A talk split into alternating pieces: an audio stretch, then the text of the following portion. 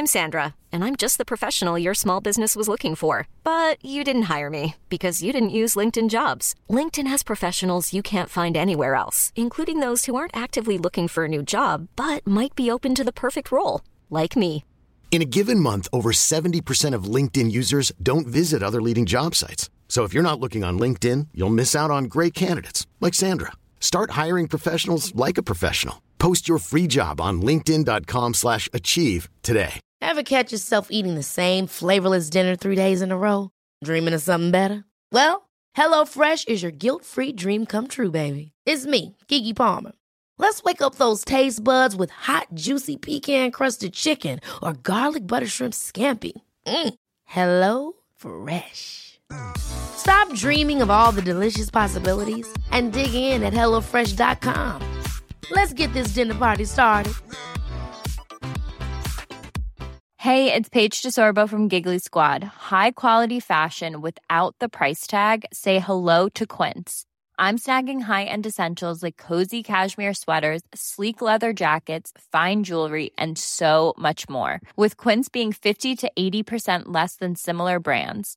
And they partner with factories that prioritize safe, ethical, and responsible manufacturing. I love that. Luxury quality within reach. Go to quince.com slash style to get free shipping and 365 day returns on your next order.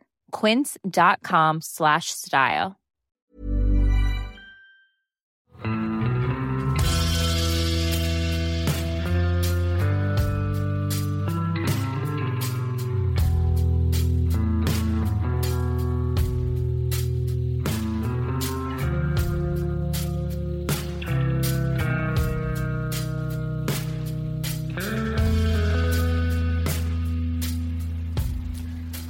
Og velkommen til podkasten Uteliv.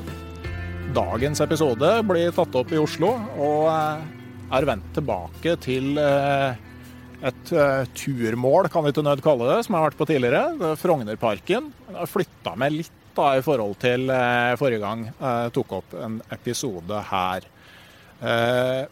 Dagens episode skal handle om å ta med barn på tur.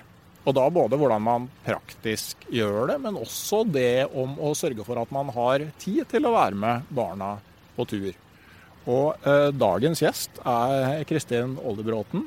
Og spesielt når det gjelder det å skape seg tid for å ta med barn på tur, så har jo du en god del å komme med, ikke sant? Jo, jeg har jo vært uh, ute på tur i, uh, i, mange, mange år. Mm. Til jeg plutselig da fant ut at jeg uh, skulle få barn. Mm. Og da dukka det opp ei fin lita jente mm. så, som nå er ti år, som heter Nila. Ja. Så vi har vært mye på tur med henne. Ja. Jeg kan jo nevne at jeg har jo to jenter. Ei på tre og et halvt og ei på sju. Sånn at til sammen så har vi da 20 års erfaring i å ta med barn på tur. Og det høres bra ut. Vi har også ei på, Bjørn Harei på 20 som nå studerer friluftsliv, så et eller annet positivt må vi jo ha bidratt med der også. Så.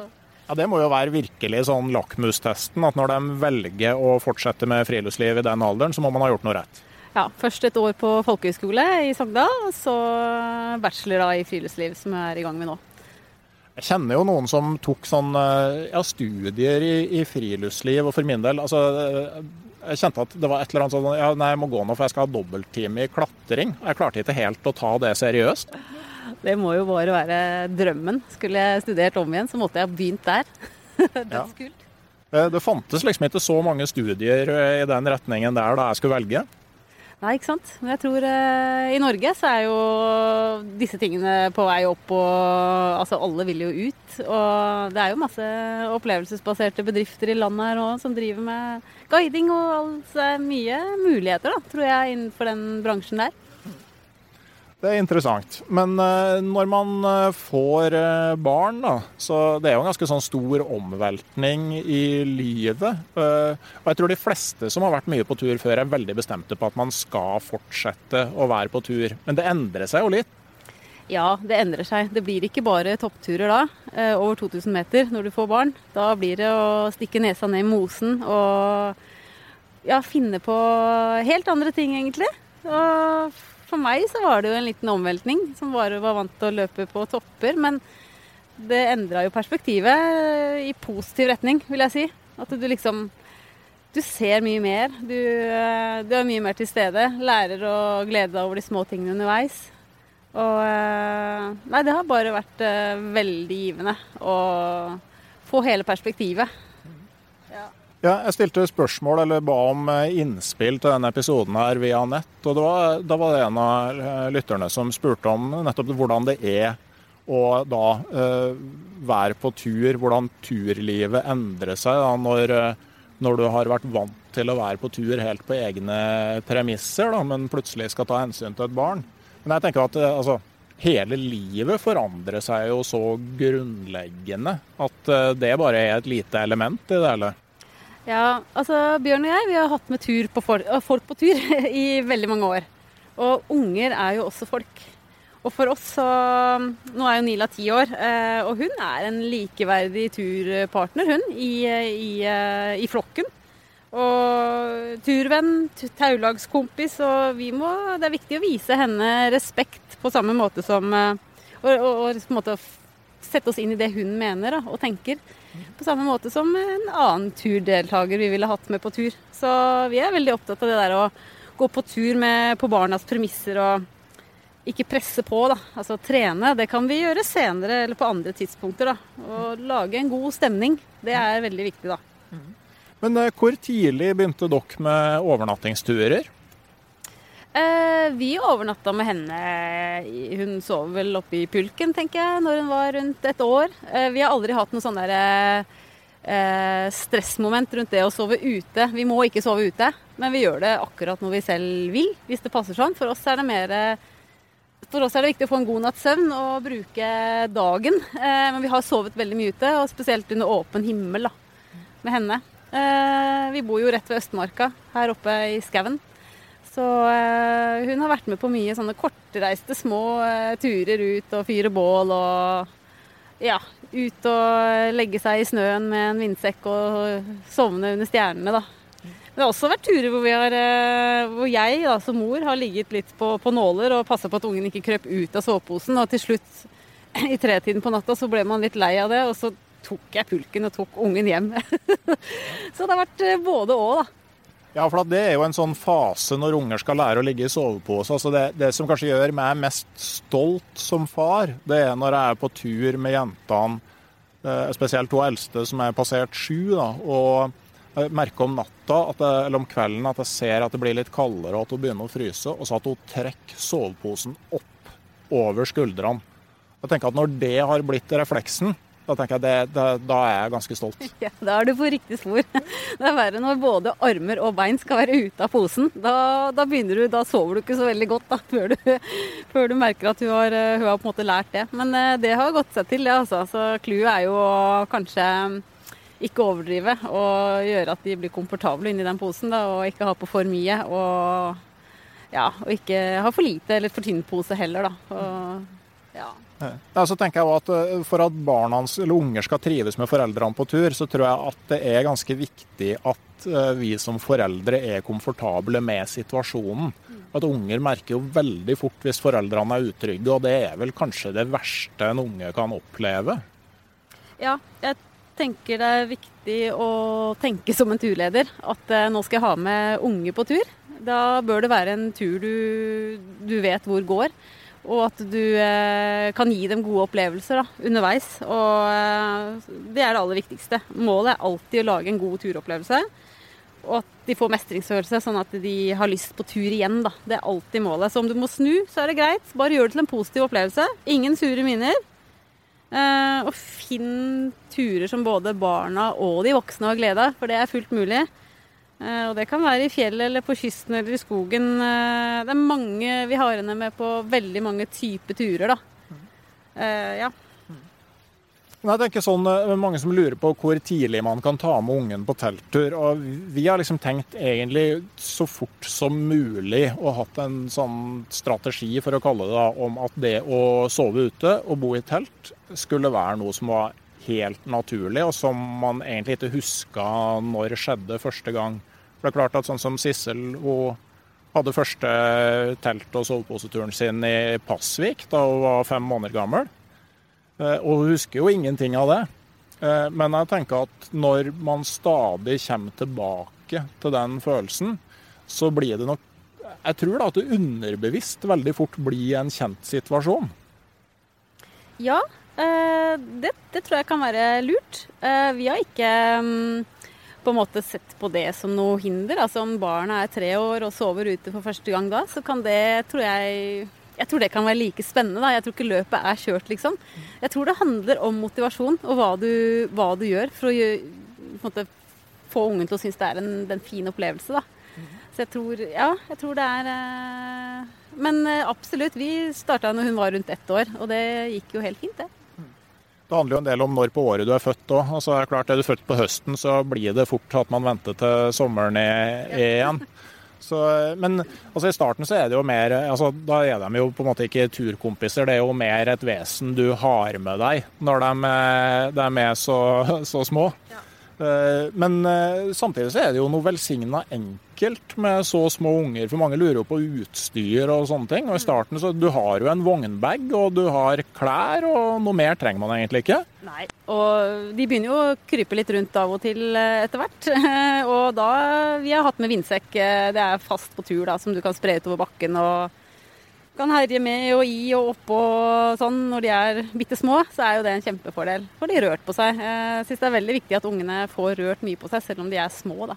Ikke bare sitte stille i en pulk eller uh, sitte i en bæremeis. Få dem ut. La dem røre på seg. Så kan man heller bytte på da, hvis man er to foreldre. Begge to trenger ikke å sitte og se på den eh, klumpen, for å si det sånn. Da kan far godt få lov til å løpe seg en tur, eller jeg få lov til å løpe meg en tur, eller svømme over vannet eller hva som helst. Bare for å få utløp for litt grann eh, kriblerier, da.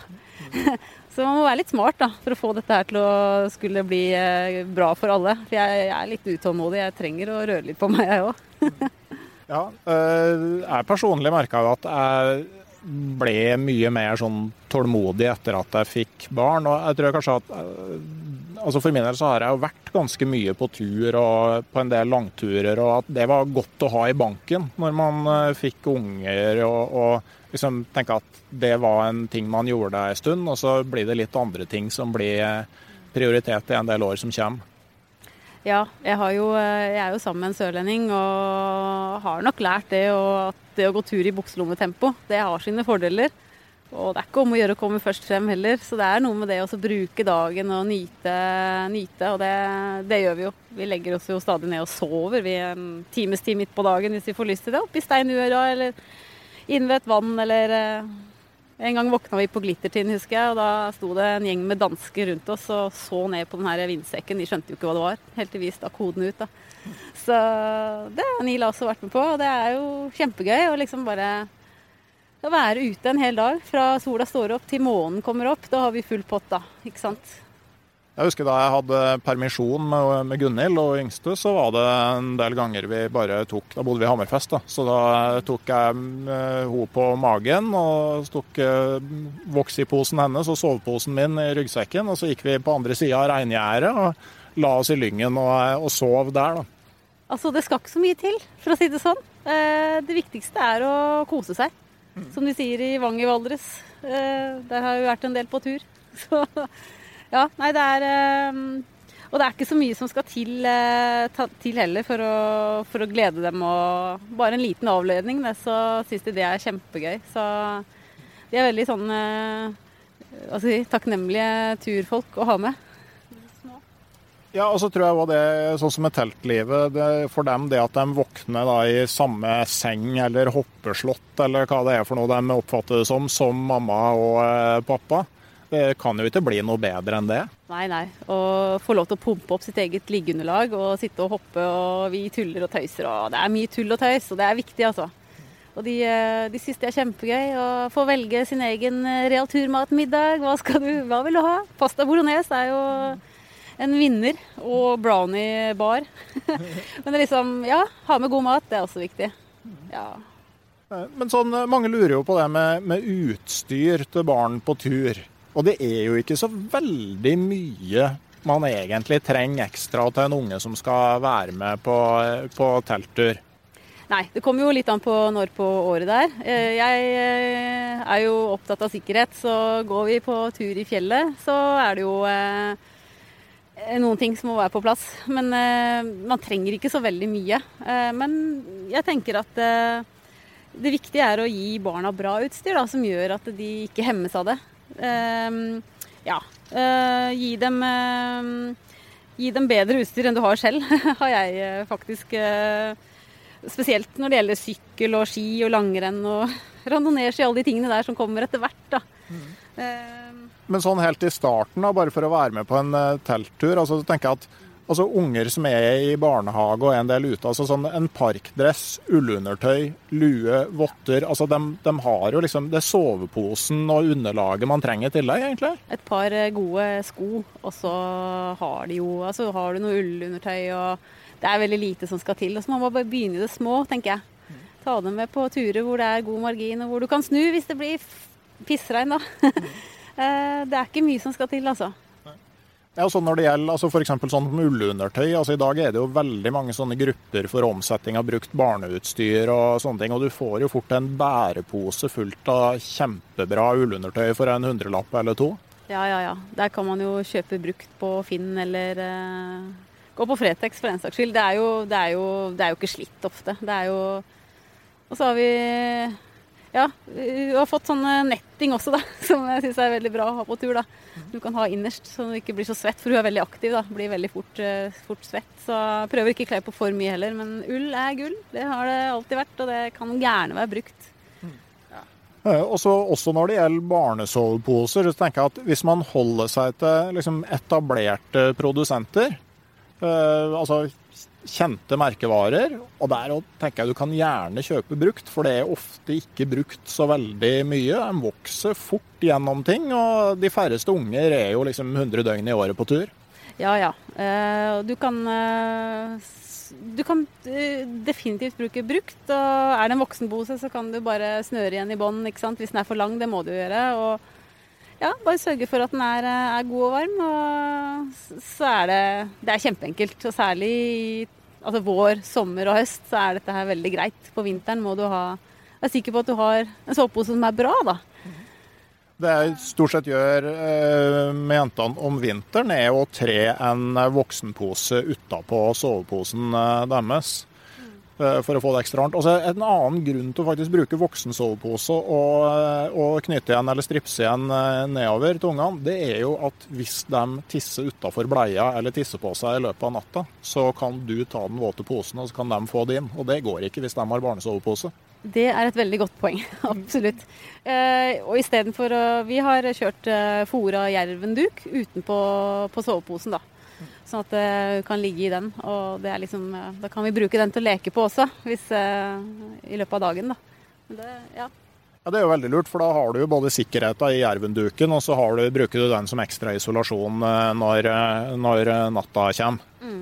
Så trenger du ikke all den her, disse her dyre skallklærne, altså Gore-Tex og sånn. Det er jo veldig dyrt. Men det er prøver å unngå det, for blir, man blir så svett i det. Så heller bruke ting som puster og ha med, ha med en vindsekk å ha over, eller en uh, regnponcho kan funke.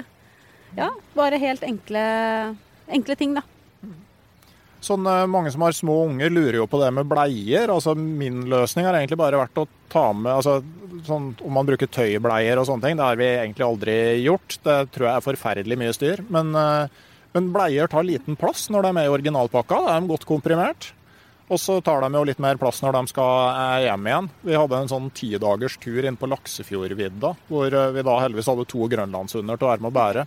Og da var det den litt enfoldige hannhunden vår som da bar en hel kløv full av brukte bleier ned igjen. Og jeg tenker med en luktesans som liksom er tusengangen av år, så måtte det ha vært en interessant opplevelse. Den bikkja må jo ha, ha hatt en utfordring der. Men eh, ja, bleier, altså det Vi har ikke hatt sånne kjempelange turer med henne mens hun var i bleie, bleiestørrelse, for å si det sånn. Men uh, det er jo ikke noe problem å ta med fire-fem bleier eh, hjem. Uh, et par netter, det er jo ikke noe problem. Uh, det går helt fint med, ja, går helt fint med 2030 òg. Altså man må bare ha løftekapasitet til det. Og, det, og, og sånn med Vi brukte ergosele til å bære ungene i da de var, var små. Eh, opplevde at den var god å bære i, og da kunne Hilde, som er gift med, ha unge på magen og så en ryggsekk med de lette tingene på ryggen. Da får man ganske bra bærekapasitet. Ja, det gjør man jo. Vi hadde jo Ja, bæremeis er jo fint, og så var vi på veldig mye sykkelturer da, med sykkelvogn. Sånn at der får du jo oppi eh, utrolige mengder. Og har du pulk, så kan man jo dra pulk begge to og stappe oppi. Så det er jo uante muligheter. ja, Kanotur er jo òg en veldig sånn fin ting eh, for å liksom komme seg litt lenger i vei. Men i det store og det hele, og med én unge, så har man ganske så god aksjonsradius når du er to voksne altså til å bære. Absolutt. Og ehm, det varer jo ikke så lenge heller før de kan bære en bitte liten sekk sjøl og begynne å venne dem litt til det. At de skal ha egne votter og lue og en ekstra jakke oppi en bitte liten sekk. De, synes, de, blir jo veldig stolte av det. De syns jo det er veldig gøy å få sin egen sekk, da. Det er stort, altså. ja, og så er, vi har i hvert fall oppdaga at det er veldig stas å få lov å pakke litt i den sjøl. Gjerne sånn velge sjøl hva du skal ha med deg. Vi har av og til liksom tenkt at liksom, kan jo ikke bære med seg det her. Men så er det sånne eh, ting som plutselig setter i gang masse leking og kreativitet når du kommer fram. Ja, ja. Altså, det er utrolig hva de kan få opp i den sekken. Eh, bare gi dem en sekk som ikke er altfor stor, sånn at det ikke blir altfor fullt. Men uh, lekedyr og alle mulige sånne småting, det, det skaper glede underveis. Da. Og det, da sitter de og leker med det istedenfor å grine og være surete, sure. Så det, det, får man igjen for, å la dem få være med og pakke. Det syns de er kjempegøy. Ja, sånn med kosedyr. altså Hos oss så var det Tussi og Fantorangen som alltid skulle være med på telttur. Og vi snakker fortsatt om Tussi som var så rampete at han en gang hoppa høyt og landa i kaffekoppen til pappa. Ja, ikke sant. Vi har jo med mye drager, vi da. Og mye sånne små dyr. Mila er veldig opptatt av dyr, da. Så det er eh, har jo samla på sånne små figurer, eh, sånne, disse her som ser veldig levende ut, da. Og har med seg de ut i skogen og overalt, da. Så til og med nå, hun er snart elleve, og hun leker jo med de dyrene og de dragene og syns det er kjempegøy. Så vi skal bare ikke se på, da. det blir litt flaut hvis vi ser på nå, da. Men eh, jeg syns hun er kjempegøy. Jeg har jo opplevd sånn eh, at i hvert fall i en fase så var liksom det å leke inne i teltet var egentlig noe av det artigste med å være på telttur. Det var kanskje ikke sånn helt det jeg hadde sett for meg at vi skulle gjøre. Men, men jeg tenker at det handler jo litt om å spille med når de tydelig trives, da. Absolutt. Ja. Teltet skulle liksom Det var viktig. Det er liksom en slags liten hytte, da, ikke sant. Så da da gjelder det å være der, og så, og så ja, rigge til soveposen og alt det der. Og så er det om å gjøre å gå ut og hente kongler og steiner liksom, til teltet. Og pinner og veldig mye greier som skulle bygges utenfor det, det teltet. da. Så det, det, er veldig gøy å se hvordan ting bygger seg opp utenfor teltinngangen. Og man må liksom gå litt forsiktig for å komme ut og inn. Kreativitet. Ja. Og eh, Eldste hadde en sånn lek som het Kom inn. Den gikk egentlig bare ut på at hun åpna innerteltet, gikk ut av det, lukka igjen glidelåsen, åpna glidelåsen på ytterteltet, gikk ut og lukka igjen og banka på. Så skulle jeg si 'kom inn', og så skulle hun komme inn igjen. Det her kunne vi drive på med en time i hvert fall. Festlig. Fantastisk. Jeg spurte Nila litt da, før jeg skulle prate med deg nå. Hva er det som er viktig for deg? Eh, liksom, hva er det som skal til for at du syns det er gøy å gå på tur? da? Og da, Det hun sa, var liksom, liksom konkrete tips. da. Det var eh, jo, du må spørre meg hva jeg vil, og så må du starte med å liksom ikke være stressa. Du må liksom ikke avbryte meg når jeg sitter og gjør noe morsomt og si at vi skal på tur da. Du må liksom vente til jeg er klar med å si, med å, si, eh, med å spørre, da. Liksom ikke avbryte meg, og så må du liksom Jeg tror hun er inne på noe der, da. At det er viktig å involvere barna på et lurt tidspunkt og begynne å snakke litt om turen. Gjerne dagen før. Altså, hvor, hvor, skal vi, og hva skal vi ha med oss, og hva har du lyst til å ha med, og hva skal vi gjøre når vi kommer dit, og liksom få opp forventningene og alt det her, da. Nå, nå snakker jeg om litt større barn, men allerede når de er eh, fire-fem, så kan man jo begynne med det, tenker jeg. At, få, at, de føler at de er med, da. Det tror jeg er veldig viktig, og du kommer jo fort dit hvor aksjonsradiusen blir en del eh, større. Og jeg tror det, det det er veldig viktig det der at de får være involvert i planlegginga og føle at de liksom har eierskap til turen sjøl. Ja, og ikke minst eh, når de blir litt større, fem, seks, syv, åtte år, så begynner det å bli stas å ha med venner også, ikke bare lekedyr. Eh, det med å ha med venner, og, og også kamera har hun fått, da. Og det syns hun er kjempegøy, med, med, et ordentlig kamera. Hun kan ta bilder sjøl og sånne ting som man kan ta med, da. Du, Kamera det har jeg òg gitt hun eldste mi, og det kom inn på det her med å lage litt sånn ekstern motivasjon. For det var premien for å klare 300 km på ski i vinter. Og det, altså Én ting var jo at vi klarte det, men det blei jo så moro å gå på ski underveis. sånn at jeg tenker at det er lov å legge inn litt sånne gulrøtter for at man skal komme over den kneika til dit hvor ting virkelig blir moro. Ja, vi, Premiering er veldig lurt. Uh, og Det må liksom stå litt i forhold til hva de skal prestere. Og med sånn merker, sånn Skiforeningens gullmerke, alt det der syns hun er kjempe, kjempestas. Og i vinter så gikk vi en ganske lang tur, og da var premien faktisk at hun skulle få lov til Hun er veldig opptatt av hester, da, så det var et sånt ridespill da, på, på, nettet som hun gjerne ville oppgradere da, og få, få sånn superstatus i det spillet. Så da gikk hun 800 høydemeter på, på den dagen for å få til det. Og det var liksom bare hun hadde bestemt seg, hun skulle til toppen, og det, var, det satt bare mellom ørene. Da. Det var litt gøy å se. Så er det jo restriksjoner som følger med det, men, eh, men det har gått veldig bra, da. Ja, og det, altså, eh, det er klart at Ungene skal ikke sitte og spille spill hele tida, men la oss nå ikke bli for paniske heller. Nei, eh, vi har regler for det. Og i helgene så er det sånn Du kan godt få spille litt, men vi skal først på tur. Og så, og så får du, hvis vi er glade og fornøyd når vi kommer hjem og har hatt en fin tur, da kan du få spille litt, da. Ja. Det er jo litt sånn eh, vi praktiserer òg, og gjerne sånn at de to søstrene kan få se en film sammen, f.eks. i stedet for å sitte og trykke hver for seg. Og når det er sagt, da, for en sånn liten digresjon altså vi, vi har sagt at YouTube er, er forbudt, men NRK Super Altså, De lærer jo så mye av det. Altså, sånn Program som Ugler i mosen og Tords garasje og, altså, og Villmarksbarna og sånne ting. Altså, Det er så mye sånn fakta som de plukker opp derifra. Ja, ja, ja. Og til og med filmer av dem selv på tur er jo kjempegøy. Å bla i gamle filmklipp og se liksom og minnes på Oi, der var du, liksom. På, altså Bare sitte og se litt gjennom sånne gamle klipp. Det motiverer jo også. Da husker de igjen turene òg. Husker du hva vi gjorde da? Og så blir det en prat rundt det. Ja, definitivt. Det, øh, men sånn med motivasjon og altså det, det, er jo bare, som du sier, når de blir sånn fra seks år og oppover, det er jo bare mellom øra at det, det sitter. Uh, jeg merka sånn i, i, fjor sommer så kunne jeg, jeg og Sissel være på Galdhøpiggen. Da var hun seks år gammel.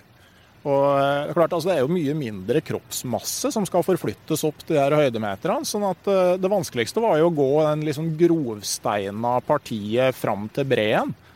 Men når vi skulle begynne opp snøbakkene, så fossa vi jo forbi de fleste og var liksom helt fremst i klynga på toppen. Ja, ja. Vi hadde eget taulag eh, vi opp til Galdhøpiggen i sommer med en nabofamilie da, med venner og noen hyttenaboer vi har. da.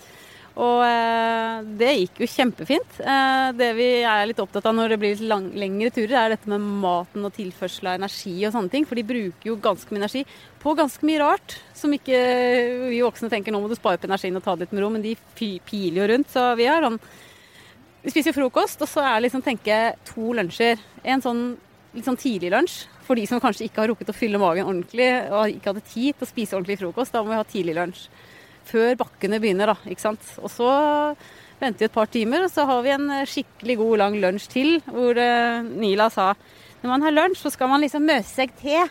Møse seg til. Da liksom gjør man seg komfortabel. Man bygger en snøsofa, og man slår ut eh, vindsekken, og man liksom har en ordentlig lunsj, da. Og, det, og, gjerne med litt lek også. Det skal jo være mat, og så skal det være lek, og så kan vi gå videre. Så de lunsjene tar jo, tar jo tid, men de er uh, veldig viktige. Nei, sånn som på den, eh, Da vi var på Galdhøpiggen, vi gikk jo som en del av et sånn eh, stort eh, taulag, men da var det da god frokost. Og så benytte alle pauser til å stappe i liksom en halv banan, tre Seimen, noen ruter sjokolade, litt vann. Sånn at du aldri får den der knekken. Og så er det klart, det å gå til Galdhøpiggen sammen med 100 andre som alle sammen forteller hvor flink du er, det er ikke så rent lite motiverende. Da, det går de lenge på. Det funker veldig bra. Har du hørt om eh, rødnissetrikset? Nei. Nei. Fordi eh, vi har en hytte, vi leier en hytte oppe i fjellet, og der, eh, der, er det sånn at når vi har kjøpt inn masse godteri, og lagt i skapet på den hytta, så kan du være sikker på at dagen etter så er det veldig lite godteri igjen. Og det er fordi det er rødnisser i området. Og de rødnissene har ganske sånne lange negler på fingrene, sånn spisse negler. Så når de har hendene i lommene, så får de hull i lommene, og så løper de av gårde med godteri ikke sant, som de har stjålet. Og så mister de godteri rundt i fjellet. Så det når vi går på tur, så leter vi da etter det godteriet. Det var sånn rundt seks-syv år. Og da var det liksom Vi fant godteri overalt. da, sånn eh, Ved vardene og rundt ved steiner og alt sånt. Så når vi gikk på tur, så var det veldig ofte at vi måtte lete etter det her godteriet som rødnissene hadde mista. Så det er en eh, Den, eh, den satt, for å si det sånn.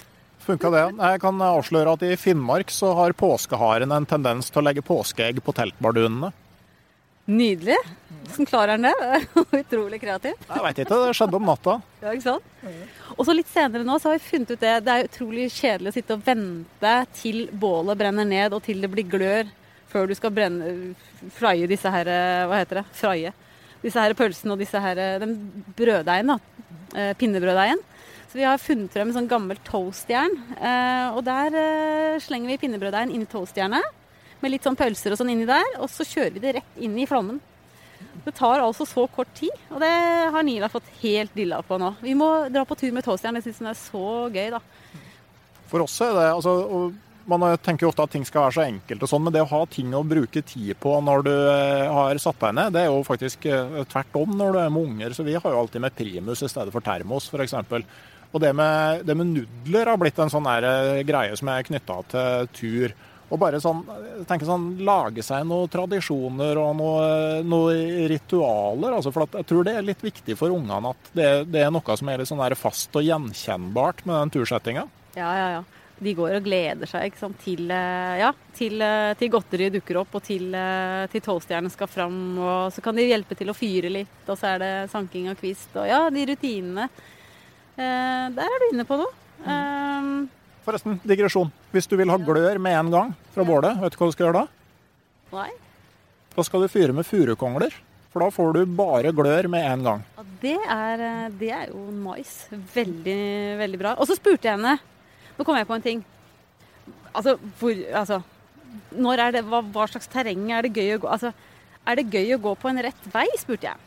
Nei, er, sti er bedre enn vei, sa hun. Og det er bedre med opp og ned enn flatt og kjedelig. Og det er bedre med svinger enn at det går rett fram.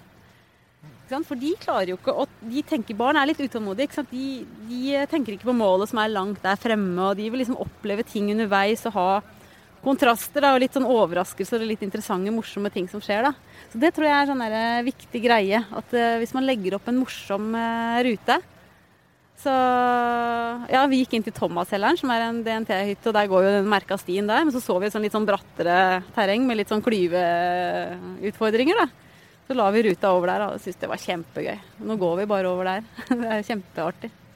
Ja, men Man vet jo sjøl òg, altså sånne fjellvidder hvor du starter fra ei hytte om morgenen og ser fram til den hytta som du skal komme til fem-seks timer seinere. Det er jo mye mindre stas enn litt sånn småkupert, eh, ja, som Femundsmarka f.eks., hvor du går litt hit og dit og rundt omkring, og så plutselig så er du framme. Ja. Også det der å gjøre turen til en liten ekspedisjon, en litt sånn eh, morsom utforskergreie istedenfor en konkurranse. Vi, eh, det dreper turgleden til Nila hvis vi nevner ordet konkurranse, så det syns ikke hun er gøy i det hele tatt. og så setter vi noen enkle delmål ofte. Sånn nå skal vi først bort til den steinen der, og, og, der skal vi gjøre det og det. Og når vi kommer dit, så får vi se hva vi gjør videre. Og så, og så har vi masse sånne artige ting som vi gjør underveis. Masse tull og tøys, selvfølgelig. Vi har gjetteleken, da. Det er sånn Hvilket dyr tenker jeg på nå?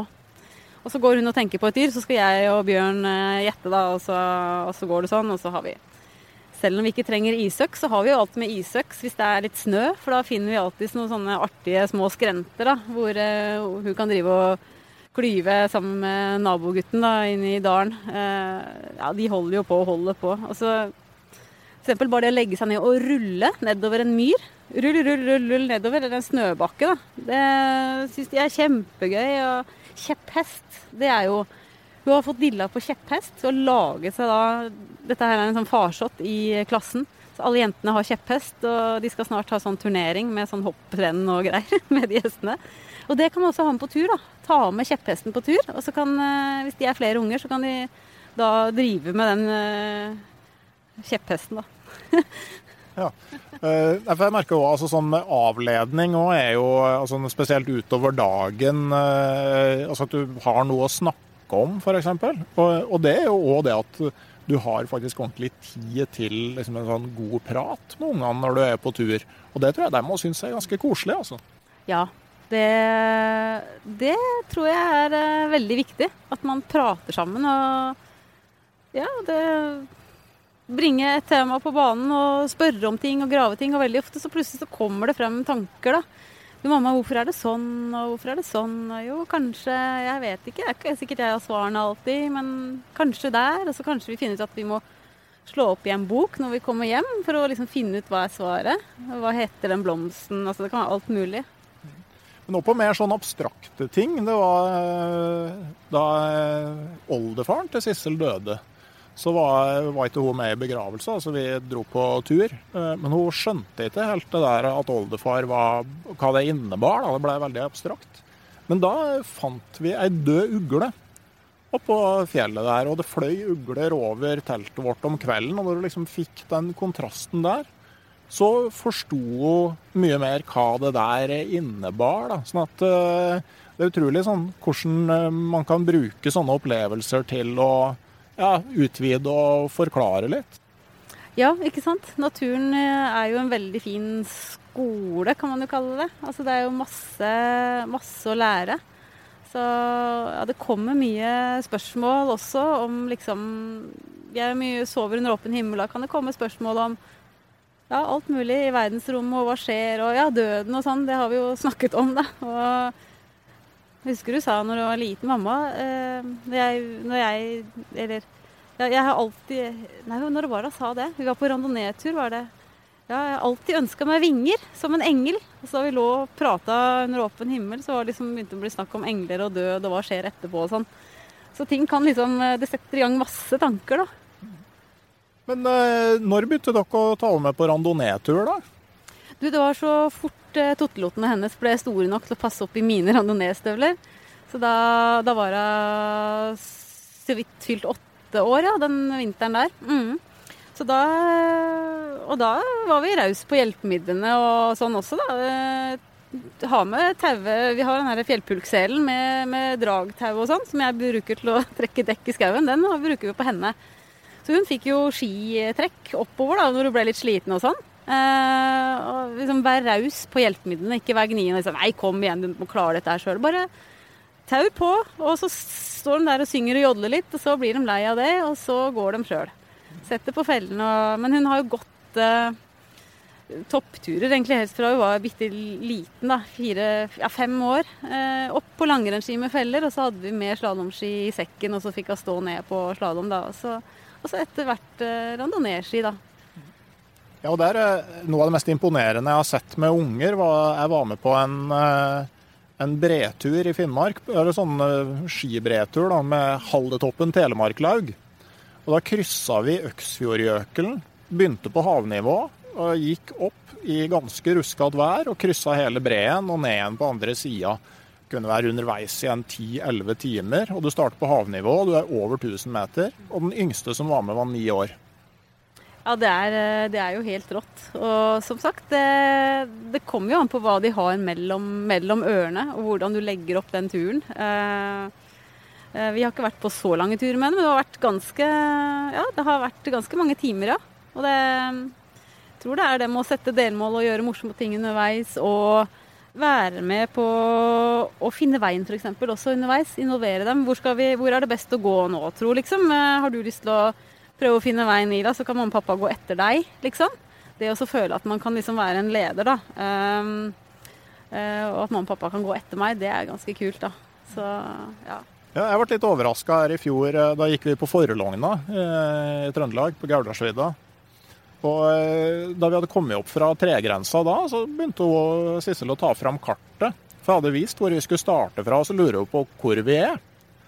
Så sier jeg ja, ser du, vet du hvor, hvilken sti vi går på? Jo, visste det. Ja, Husker du hvordan skog ser ut på kartet? Ja, det er grønt. Ja, Nå har vi nettopp kommet opp av skogen på stien.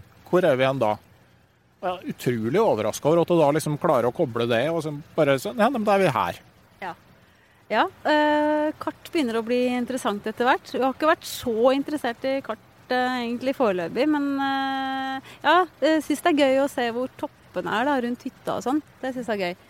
Eh, når vi er ute i skogen og går poster og sånn, Ola Dilt i Østmarka og sånn, så, så er det mye mer Ja, det er litt sånn mer utfordrende kanskje å finne bekker og steiner og sånn, men eh, vi holder på og øver på det. Så det viktigste er at hun, hun er veldig sånn, vil ha det gøy. da, Har ikke lyst til å gå og se på et kart så mye. Men det kommer seg nok, altså. Og så øh, kom på et sånn triks når det gjelder å få unger til å bli glad i å gå på langrennsski. Det er å starte høyere enn du skal fullføre turen. Gå netto nedover. Det tror jeg sånn Det funker på alle unger. Ja, det tror jeg funker bra. Det er kjempegøy å stå nedover. Vi har eh, litt sånn opp- og ned-bakker, så vi har eh, øvd på å gå litt fiskebein, da. Og det, det var det vi starta med. og Hun syntes jo det var gøy å få til det, eh, men det morsomste er å stå nedover. Og så bli taua. Vi har den her hoftebeltet til fjellpulken som har en sånn liten snor på seg, og så har den en sånn liten sele du kan ha rundt livet på ungen. Og det, det har vært eh, veldig nyttig, da, på langrenn. Så ja. Ja, vi, vi har det sånn, vi har hytte oppe i Budalen opp mot Forelogna. Og der er det sånn at uh, der går det skiløype fra hytta og ned til sentrum og butikken. Og det er sånn netto kanskje 150 høydemeter nedover, så da kan én gå med den eldste ned dit, og den andre kjøre ned sammen med lillesøster og går i møte. og det, det er jo en veldig sånn stor motivasjonsfaktor. altså at du, ja, du kan gå mye flatt på myrer og sånn, men det er små nedoverbakker i stedet for små oppoverbakker.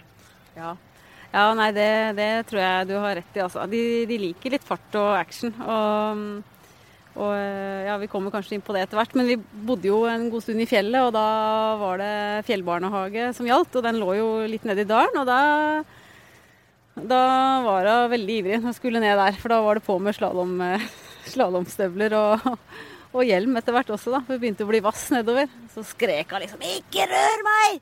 og så for av gårde nedover fjellet ned til barnehagen, da. Så ja, det, hun syns det er gøy altså, å stå nedover og ja, kose seg med det. Ja, for det, Vi kan jo komme over på det. for det, det, er jo vel og bra med liksom, praktiske råd og praktisk kunnskap, men det å liksom, være med, med ungene handler jo veldig mye om å klare å sette av tid til det. Og det er jo ikke alltid like lett i en sånn vanlig arbeidshverdag. Nei, det er ikke det. Og uh, Bjørn og jeg er veldig glad i å være ute. Og vi ville veldig gjerne at Nila også skulle bli glad i det. Så da hun var fem år, så bestemte vi oss for å ta et års uh, fri, da, permisjon fra jobbene våre, og flytte opp i fjellet med henne på ei lita hytte der i Vang i Valdres. Så det, det, gjorde vi. Og målet med det året var jo å være mye ute. Eh, være på tur hver dag, og at hun skulle bli glad i å være ute. Og rett og slett eh, ha mer tid til, å, til hverandre og til å, til å, reflektere over tilværelsen, som jeg tror man trenger av og til. Og rett og slett bare nyte det å leve. Men eh, hva er liksom, når man gjør noe sånn, hva er liksom den største bøygen, det største hinderet for faktisk å gjøre det? Det største hinderet sitter inni hodet ditt. Du må klare å bestemme deg for hva som er viktig. og bare, Du må bare bestemme deg for at det vil jeg gjøre. Og etter at du har bestemt deg, så kan du begynne å legge en plan. Så kan du begynne å innrette livet sånn at det er mulig å få til. Du kan begynne å kutte kostnader, faste utgifter. Du kan selge ting du ikke trenger. Du kan liksom forenkle livet. Eh, og så kan du begynne å spare penger. Og så kan du begynne å elte litt på sjefen og gi noen hint om at det kan jo hende at jeg har lyst til å finne på noe etter hvert. Si fra i god tid. Eh, ja, og så leier man jo ut huset, og så ja, man må bare tilpasse livet, da, sånn at det er mulig å, å få til. Og gjette på. Ja, og Når du først har gjort og, og flytta opp i fjellheimen, så er jo ikke kostnadene så veldig store der? Nei, kostnadene er ikke så veldig store der. Da har du det tøyet du har med deg, og det utstyret du har med deg, og that's it. Det er ikke så mye du trenger. Mat og varme og kjærlighet og litt utstyr, og, altså turutstyr. Du klarer deg lenge med det. Det, det er eh, litt eh, Ja, har, vi måtte jo ha bil, altså litt sånn drivstoffkostnader og sånn. Og litt, litt rødvin innimellom, kanskje. Men eh, det er ikke mye du trenger, altså. Rødvin kom under posten leve og bo. Ja, det gjorde det. ja. Nei, men det er, eh, det er bare også å gutse på. Og det er jo liksom, når man er unge og spreke, eh, det er da man bør ta et sånt eh, pensjonistår. Når du blir pensjonist, så vet du ikke for det første om du lever, eller om du har helsa i behold. Så jeg tenker at vi lever nå, og det er, det er viktig å følge hjertet og, og gjøre og liksom hvis jobben sier ja, så er jo det hyggelig at du kan få permisjon. Hvis ikke så får du vurdere om du tør å si opp. For min del så Vi var villige til å si opp, men vi fikk jo permisjon, da. Men um, og så tenker jeg altså, eh, Det er jo på en måte mange sånn grader av ting man kan gjøre. Altså Du trenger jo ikke å si opp jobben. Altså Noen, eh, noen som jeg kjenner, jobber 80% og tar det alt ut i form av ekstra sommerferie. Eksempel, altså Du kan ta bevisste valg som gjør at eh, det åpner seg eh, mer tid rundt det. Så Man trenger ikke gjøre det samme som andre har gjort, men man kan tenke gjennom hva kan man gjøre som gjør at man sjøl får det bra. Ja, ja, ja. Du må jo ikke ta et helt år heller. Du kan ta tre måneder, eller du kan som du sier, gå ned i stillingsprosent. Etter at jeg kom tilbake fra det året, så har jeg jobba 80% Så jeg har hatt alle ferier fri, da.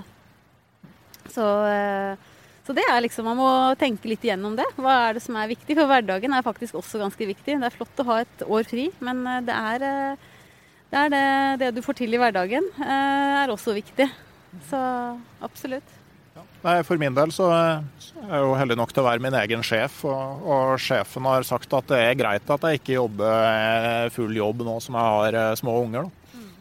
Ja, det, det, er godt å ha en sjef som man er på bølge, bølgelengde med. Og ja, og jeg tenkte på en unnskyldning man ofte kan få, er jo at liksom ja, at barna vil ta skade av å være et år borte fra vennene i gata, på en måte. Eh, men eh, den holder ikke. For det, det, tok en time, det. Etter at vi kom hjem, så var, eh, så var, de i gang å leke. Og barn er utrolig fleksible, og de, de er mye mer fleksible enn oss voksne. Og de, de sitter igjen med så mye, da, hvis man gir dem sånne opplevelser. Og det, det har vi vel hatt fokus på hele tiden. å gi gi opplevelser eh, i premie istedenfor ting, da. Så vi har jo veldig lite ting eh, bevisst. Og det tror jeg er noe vi kanskje kan tenke på, da. I forbindelse med klima og alt det her og få ned personlig forbruk, så tror jeg vi må gjøre noe selv. Og, og hun sa det i bilen på vei hjem fra påskeferien, at liksom det er ikke noe gøy å gå og kjøpe ting i butikken. Det som er morsomst, er å gjøre morsomme ting. Sa hun av seg selv, og da kløp jeg meg litt i armen, for det syns jeg var veldig godt sagt. Ja. Ja, nei, det, det, er jo det er absolutt et poeng. Og nå, nå har du tatt det et, et, hakk videre, for å si det sånn. Nå, nå har du sagt opp 80% jobben din. og Hva er planen nå? Du, jeg har eh, Ja, det stemmer. Jeg har bestemt meg Jeg gikk jo og tenkte mye på Altså, dette året i fjellet hang jo i. Og jeg har kjent veldig på det nå i løpet av de fem årene nesten som har gått, at jeg har lyst til å leve litt, uh, litt saktere uh, enn det jeg gjør. Og jeg har muligheten til det. Hvis jeg uh, Altså, vi eier lite, som sagt. Og har innretta sånn at vi har få kostnader og lave kostnader. Og jeg har lyst til å på en måte ha mer tid til det som er viktig for meg, og det som får hjertet mitt til å banke fort. da. Og det handler om å være ute, det handler om å være i bevegelse. ta vare på helsa, ta vare på Nila.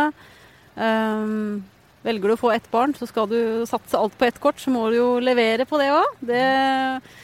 Uh, så hvorfor ikke kjøre livet som et prosjekt, et viktig prosjekt også? Ikke bare viktige prosjekter på jobb. Livet er det viktigste prosjektet du har, da. Så um, jeg vil ha tid til å gjennomføre små og store drømmer. Eh, og så ja, samle masse gylne øyeblikk. Det er jo det som uh, som gjør livet bra. Uh, gjør hver dag til en god dag. Og jeg tenker at tid er uh, viktig. Ja. ja. Så, uh, men har du liksom noen sånn konkrete planer for hva du skal begynne med nå? jeg liker jo å holde ferden litt åpen, så det er litt åpent nå. jeg vet ikke akkurat hva jeg skal, skal, ta meg til. Jeg står ikke helt på bar bakke. Jeg har jeg skal eh, hjelpe til noen timer i uka med å skrive litt og sånn for eh, Brynje, som leverer ull og netting til det norske folk. Det handler om å ikke fryse på tur, så det er jo veldig innafor. Eh, og gøy. Men utover det så, så får vi nå se. Jeg vet vi har en lang liste over ting jeg liker å holde på med. alt fra å ta med folk ut og trekke bildekk i skauen til å ja, sove under åpen himmel og holde på da, ute i, ute i skauen mens Nila er på skolen kanskje. Og det er masse ting man kan gjøre. Um, du kan til og med lete etter skredsøkere i, i, lyngen i marka for å øve deg på det. Så det er mange ting man kan bruke nærområdet til. Uh, ja. ja, og jeg tenker det er interessant det der eh, avveininga med tid kontra penger. For det slo meg liksom da jeg var inne i garasjen, kikka meg litt rundt, så tenkte jeg Tenk om vi hadde fått valget nå, at vi kunne begynt å levere fra oss de tingene som henger her og så kunne vi fått tilbake den tida vi hadde brukt på å jobbe for å kjøpe det. At den liksom på en måte bare blank materialiserte seg foran deg som tid du kunne bruke. Hvis man tenker på det på den måten, så tror jeg ganske mange som hadde vært villige til å gi fra seg ganske mye i garasjen sin. altså. Mm. Jeg føler meg utrolig fri når jeg ikke har alle disse tingene hengende rundt meg. Uh, Istedenfor Ja, vi har turutstyret i stua. Uh, der står rann- og nedsida og klatretauet, og der står de tingene som inspirerer oss. Når vi sitter og planlegger i sofaen, så ser vi jo bort på vindsekken og blir litt inspirert. Um, ja, det også rett og slett um, tenke at uh, jo mindre man kan klare seg med, jo mer kan man oppleve, da. Det, ja, det er bare en prioritering, rett og slett. Ja. Og så er det jo sånn at altså, man kan eh, Jeg tenker at det som kan være greit her, er jo å måte, ikke nødvendigvis skamme seg over hvordan man sjøl lever livet, men tenke at altså, det er ikke et enten-eller. Og det er veldig mange sånne sjatteringer fra den ene ytterligheten til den andre. Og vi, eh, vi som si vi som lever av å være på tur, eh, altså er jo veldig takknemlig for at noen ønsker å bruke livet sitt på å være kreftsykepleier, f.eks. Eh, og, og, man skal ikke glemme det, men samtidig så tror jeg det er noe viktig med det der å, å være veldig bevisst på hvordan du bruker den tida du faktisk har. Da. Mm. Jeg har eh, googla litt på hva er det folk angrer på når de uh, ligger for døden, da. Det er jo ganske dystert, men uh, en dag så ligger vi der. eller ligger under trikken, for den saks skyld. Og, men det de sier, det er jo at de angrer på Altså de angrer på at de ikke tok litt mer sjanser og gjennomførte drømmene, og at de levde liksom sånn som andre forventet. Eh, at du kanskje ikke tok godt nok vare på deg selv, de du var glad i. Eh, ja, så når jeg blir gammel og litt dårlig til beins, så sitter eh, om en 50-60-70 år, tenker jeg, så sitter jeg der og kanskje litt dårlig til beins. Så da har jeg lyst til å se meg tilbake og ikke angre på de tingene. Da har jeg lyst til å si til meg sjøl at eh, jo, jeg tillot meg selv å være litt glad og litt gal. Og hvis man bare hopper i det Du kommer ikke over en bresprekk med, med, med, to korte steg. Du må liksom ta sats og hoppe. Bare gjør det. Og så dukker det alltid opp noe. For når du skaffer deg den tiden og det rommet, så vil det alltid dukke opp, dukke opp andre ting. Du kommer på nye tanker, du møter nye spennende mennesker. Vil dukke, alltid dukke opp noen spennende muligheter da, som du kanskje kan hoppe på. Uh, så gi seg selv muligheten til det. Det er jeg veldig enig i. Jeg har akkurat spilt inn en eh, sånn time til sommer i P2. Mm. Og det som faktisk er litt sånn essensen i det jeg snakka om der, er at eh, nettopp det at du trenger ikke nødvendigvis å ha en sånn grundig plan for hva det du gjør skal føre til. Nei. For at hvis du gjør noe og prøver å gjøre det ordentlig, og prøver å oppføre deg ordentlig mot de folka du møter, mm. så får det helt ofte helt andre konsekvenser enn det du faktisk hadde sett for deg. Og det er litt som å være på tur òg. Noen ganger så trenger man ikke å sette et konkret mål for turen. Altså hva om vi bare bestemmer oss for å surre litt rundt i det området her, liksom. Og så surrer man rundt, og så plutselig så kommer du over noe som du overhodet ikke hadde forventet å, å komme over. Og da blir jo livet veldig spennende, da. Så det er sånne ting jeg har lyst til å eh, ta med Nila på, da. Og ser for meg det at når jeg har mer fleksibilitet og mer tid til henne, så kan vi eh, bli verdens beste, beste turvenner. Og vi er allerede på veldig god vei, da. Så det er så mye jeg har lyst til å ta med henne på. Og jeg tror jeg kommer til å angre hvis jeg ikke gjør det. Jeg tror i hvert fall at man angrer aldri på at man brukte mye tid sammen med ungene. Nei, ikke sant. Og det Nei. Eh, hun er viktig. Og også, også bli kjent med nye mennesker og ta med venner og være på tur med venner og ja, rett og slett bare nyte livet da, så godt man kan. Og de tingene, de, de sav jeg savner ikke. Jeg har ett par høyhæla svarte sko. De står langt nede i kjelleren. Og én sort kjole. Og det holder. Det duger. Så hver gang Nå har jeg jobba i fem år, da her og stilt opp på julebordet i de samme, den samme kjolen og de samme høyhæla skoene. Men uh, det er da ingen som kommenterer det, liksom. Det er jo bare hva man tror at andre, andre tenker. Det viktige er jo om du smiler til andre. og Jeg har jo vokst opp i Afrika, oppe i Månefjellene i Uganda, på grensen til Kongo. og Der ser du hvor lite du trenger for å, for å ha det bra. Det er jo faktisk også noe du opplever når du er på tur over lengre tid. Altså, jeg har gjort noen sånn ganske lange turer med mye forflytning. Og hvor fint du har det med bare det du har plass til i en pulk eller en kano eller en ryggsekk. Det som er eh, Ja, ikke sant. Du vet jo akkurat hva du har i den sekken, og det er så deilig. Liksom, du har to truser. Én har du på deg, én har du der. Eh, og eh, det er utrolig lite du trenger. Altså, når du har renska ut av skapene hjemme i huset, så vet du akkurat hvor Der henger den turjakka, der og der der.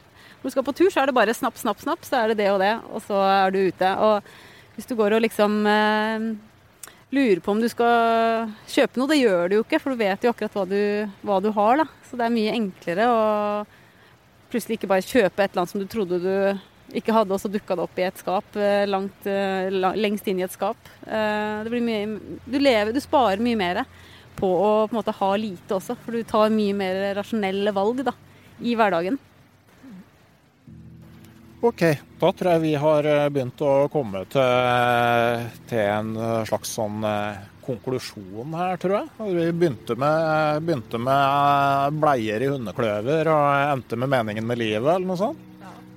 Tusen takk for at du ville være med her i podkasten Uteliv, Kristin. Ja, det var fryktelig hyggelig. Takk skal du ha. Ja. Da tror jeg vi eh, sier takk for oss her fra eh, Frognerparken. Og så eh, nå går podkasten Uteliv litt inn i sommermodus. Det betyr at jeg ikke gidder å lage en ny episode hver uke. Jeg skal jo ut og nyte livet, jeg òg, ikke bare drive og lage podkast.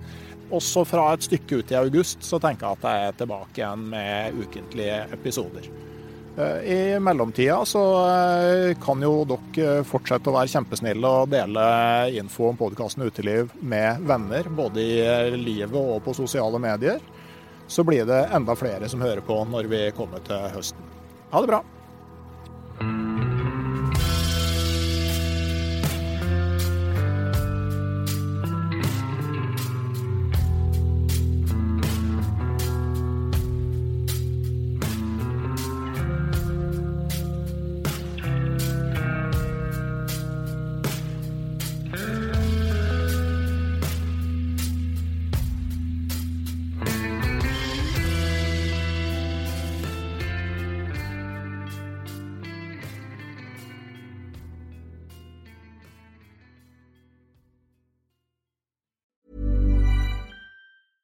Hey, it's Paige DeSorbo from Giggly Squad. High quality fashion without the price tag. Say hello to Quince.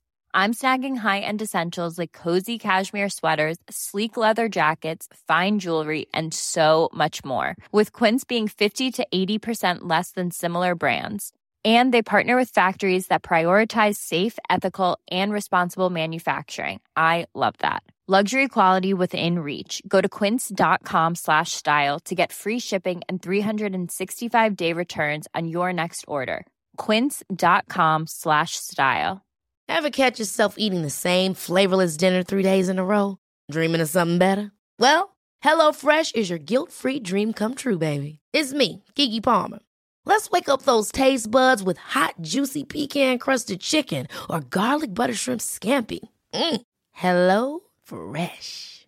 Stop dreaming of all the delicious possibilities and dig in at HelloFresh.com. Let's get this dinner party started.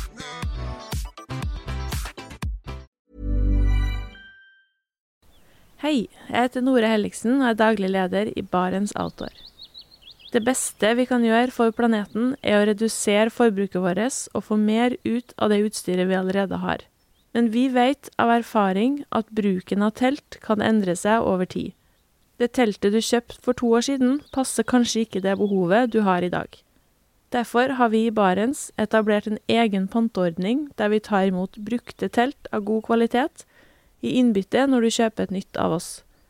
Prosessen er enkel.